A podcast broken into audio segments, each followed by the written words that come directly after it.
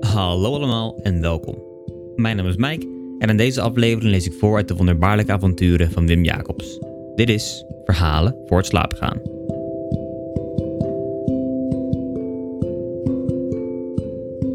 De afgelopen week heb ik uit alle romans op de shortlist van de Libris Literatuurprijs een klein stukje voorgelezen.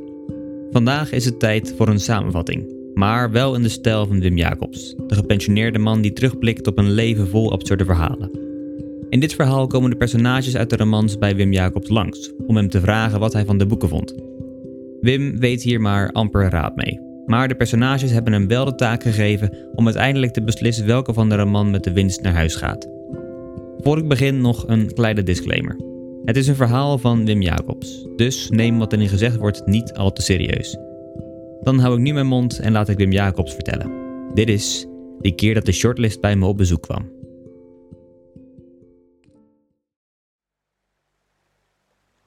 Die keer dat de shortlist bij me op bezoek kwam. Het was een rare week, lieve lezer. Of, nou ja, lezer. Ja, ik ben nog aan het begin van het verhaal, of eigenlijk ben ik nog niet eens echt begonnen, dus dan kan ik het er eventjes over hebben. U bent natuurlijk helemaal geen lezer, maar een luisteraar. Ooit had de persoon, de schrijver die mij in het leven heeft geholpen, bedacht dat mijn avonturen gelezen zouden worden. Maar nu worden ze gehoord. Je kunt het die jongen ook niet kwalijk nemen. Hij doet ook gewoon zijn best. Maar goed, als je mij dus hoort praten, dan is dat dus met de stem van iemand anders en toevallig is dat ook de stem van degene die mij laat leven. In ieder geval zal ik voortaan nooit meer lieve lezer zeggen en alleen nog maar lieve luisteraar. Dus, het was een rare week, lieve luisteraar, en dit is, in tegenstelling tot mijn andere avonturen, een week die zich pas onlangs heeft afgespeeld.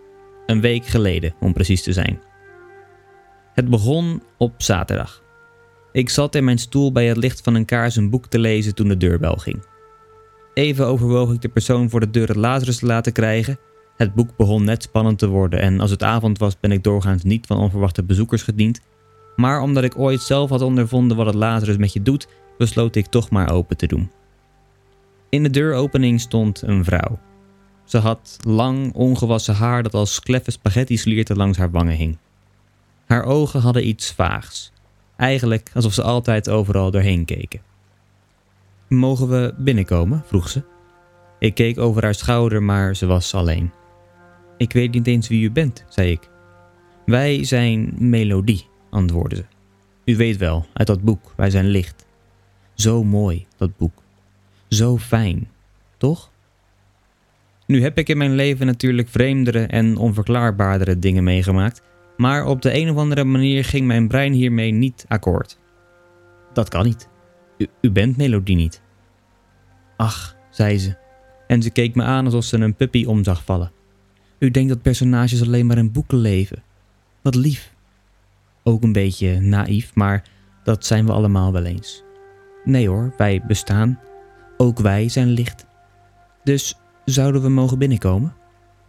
Terwijl ik dit alles nog probeerde te verwerken, deed ik zonder dat ik het door had de deur open en voor ik het wist was ze langs me gestoven en de woonkamer ingelopen. Toen ook ik in de woonkamer was, zag ik dat ze in de stoel was gaan zitten waar ik zo net nog in vrede een boek zat te lezen. Het kreng. Ga zitten, zei ze. Dan zijn we allemaal fijn en rustig en op hetzelfde niveau. Ze zei het alsof we met een hele groep in de kamer stonden. En het gekke was dat ik nog naar haar luisterde ook. In mijn eigen huis luisterde ik naar een personage uit een boek. Ik weet dat ik oud word, maar misschien wordt het toch eens tijd dat ik aan mezelf begin te twijfelen. Dus, wat vond u, meneer Jacobs? vroeg ze. Van wat? Van het boek, natuurlijk. We zijn hier voor uw mening. Ik had geen idee wat ze met meningen moest, en met die van mij in het bijzonder. En eigenlijk wilde ik nog verder vragen. Naar waarom ze hier nou echt was, en waarom ze van alle plekken in het land hier was.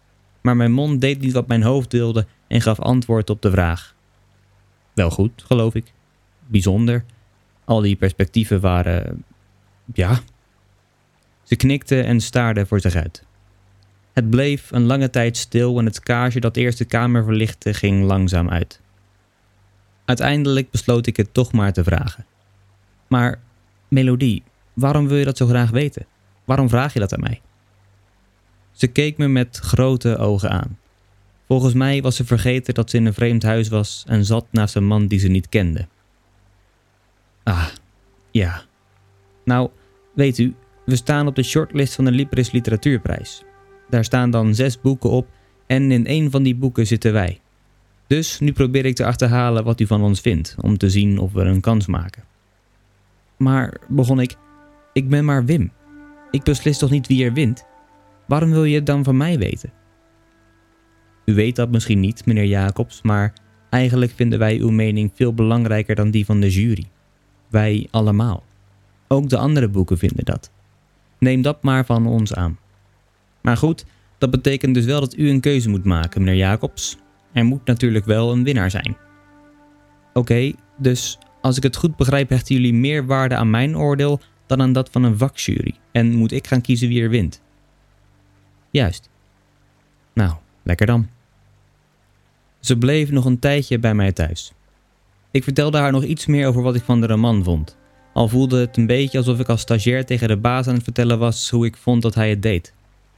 Hier en daar gaf ze mezelf nog hints en interpretaties en wees me op dingen die ik misschien tijdens het lezen had gemist en die mijn waardering voor de roman zouden moeten doen laten stijgen. Maar om heel eerlijk te zijn ben ik nooit echt met dat soort dingen bezig. Ik pak gewoon een boek, dan vind ik het goed of niet, en dan pak ik het volgende boek. Maar nu moest ik ineens uit zes boeken de beste kiezen, en waarschijnlijk wilden ze ook nog eens horen waarom ik dat vond. Toen ik die avond de deur achter Melodie dicht deed, slaakte ik een diepe zucht. Ik had het gevoel dat dit zomaar een lange week zou kunnen worden. En ja, ik had gelijk. De dagen die volgden kwam er elke dag iemand langs. Op zondag was daar Kurt, of Koert, de veearts uit Mijn Lieve Gunsteling. Het was wat ongemakkelijk, want ik had natuurlijk dat boek gelezen en dat was nogal persoonlijk. Toen hij voorzichtig vroeg wat ik ervan vond, durfde hij me niet aan te kijken, maar hield hij straks zijn blik op het tapijt gericht. Nu ik erover nadenk, heeft hij me die avond volgens mij geen één keer echt aangekeken. Niet dat dat ertoe doet, maar ik wilde het toch benoemen. Ik vertelde hem wat ik van de roman vond. Dat ik het aangrijpend en beklemmend vond. Maar volgens mij hoefde hij niet echt mijn mening te weten. Want hij greep mijn oordeel aan als een reden om nog eens zijn verhaal te doen en zijn verliefdheid uit te leggen. Het was zeer oncomfortabel. Vooral ook dat ik tot vier uur in de nacht, ja echt vier uur, een geschiedenis heb aan moeten horen die ik al eens gelezen heb. Volgens mij was ik voor hem een rechter voor wie hij zijn onschuld moest bewijzen, maar daartoe voelde ik mij niet geroepen. Ik was ook maar Wim Jacobs. Op maandag was daar Andrea. Eerst stelde zij zich voor als de onbevlekte, maar ik denk dat ze het al snel zat werd dat ik haar steeds met de onbevlekte aansprak en dus gaf ze me uiteindelijk haar echte naam.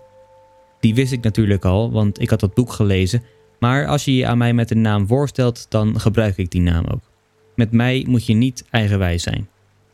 Al met al had ik wel te doen met Andrea. Misschien had ze ergens wel interesse in mijn mening, niet dat ik stond te popelen om die te vertellen, maar volgens mij was ze niet echt meer in het heden aanwezig en leefde zij vooral in het verleden. Dat vind ik altijd zo zielig, mensen die in het verleden leven. Misschien ben ik dan zelf ook wel zielig, maar daar denk ik liever niet over na. Alles wat ik zei nam Andrea als een aanzet om weer over het verleden te beginnen. En eigenlijk denk ik dat ze het niet eens echt aan mij wilde vertellen, maar meer aan zichzelf. Omdat ook zij er nog niet helemaal uit was wat er was gebeurd en wat het dan met het heden deed. Ik kon haar ook niet helpen en dus liet ik haar na enige tijd weer vertrekken. Op dinsdag stond er een man voor mijn deur die ik eigenlijk meteen al niet mocht, omdat hij succesvol was. Of tenminste, omdat hij zijn succes als masker gebruikte. Ik had de saamhorigheidsgroep natuurlijk gelezen. Dus ik wist heus wel dat hij ook maar gewoon een man was die verkeerde keuzes in zijn leven had gemaakt en wel beschouwd zeer ongelukkig was. Maar toch had ik moeite om iets voor hem te voelen. Die avond moest ik eerst aanhoren hoe geweldig zijn leven wel niet was. Hoeveel geld hij wel niet had. Hoeveel belangrijke mensen hij wel niet kende en in hoeveel landen hij wel niet was geweest. Ja, dacht ik bij mezelf, allemaal leuk en aardig, maar jij bent ook maar gewoon je lul achterna gelopen. Hij heeft me die avond niet gevraagd wat ik vond van het boek. Of hij wilde het niet van mij weten, of, en dat was waarschijnlijker, hij kon zich niet voorstellen dat ik, Wim Jacobs, het niet goed vond. Woensdag was stressvol. Salome Attabong uit Confrontaties kwam bij me langs. Een donker meisje met een afro met een vader uit Cameroen en een moeder uit Nederland. U vraagt zich zeker af waarom ik het zo stressvol vond. Nou, dat komt doordat ik, als oude, witte Nederlandse man, over alles wat ik zei tien keer na moest denken, waardoor ik eigenlijk liever mijn mond dicht hield. Maar ook dat was weer niet goed. Daarom hield ik het heel algemeen en zei ik dat ik het een belangrijk boek vond, met belangrijke thema's en belangrijke personages. Vooral belangrijk dus. Waar dat belang dan precies voor was, liet ik me niet over uit. Salome zuchtte veel. En omdat ik het gevoel had dat we allebei liever op een andere plek waren dan in mijn woonkamer, liet ik haar snel weer naar huis gaan. Donderdag was eigenlijk de fijnste avond van allemaal. Het was namelijk de beurt aan cliënt E. Buske om langs te komen. En die man praat niet. Dus ik hoefde alleen maar te zeggen: goed boek. En toen maakte hij rechtsomkeer en ging gewoon weer lekker naar het zorgtehuis. En dan vrijdag. De dag des oordeels. Om acht uur stipt stonden ze allemaal voor mijn deur om mijn juryrapport aan te horen. Ik liet ze binnen en mijn huis vulde zich met de personages uit de boeken en dat was nogal een gek gezicht. Zoals u weet woon ik nu alleen. En mijn huis was er niet groot voor één persoon, laat staan voor zeven. Daarnaast voelde het met al die karakters uit verhalen die niets met elkaar te maken hadden, een beetje als een film waarin alle prinsessen uit alle Disney-films samen waren gekomen. Ze keken elkaar wantrouwig aan en een enkeling deed nog een laatste poging om op andere gedachten te brengen, maar toen viel het eindelijk stil. En, vroeg Melodie, wat is uw oordeel? Iedereen keek me bijna watertandend aan. Ik had lang zitten peinzen, maar ik wist wat ik ging zeggen. Mijn oordeel, begon ik, en ik wachtte eventjes om de ogen te zien fonkelen. Mijn oordeel is onbelangrijk. Ik heb gekocht, ik heb gelezen, ik heb genoten. Dat is mijn uitspraak en daar moeten we het mee doen. Bedankt en tot de volgende keer. Als een groep supporters na het verliezen van de bekerfinale dropen ze vervolgens allemaal teleurgesteld en mopperend af. Maar dat kon me geen flikker schelen. Ik had weer rust en kon eindelijk weer verder met lezen.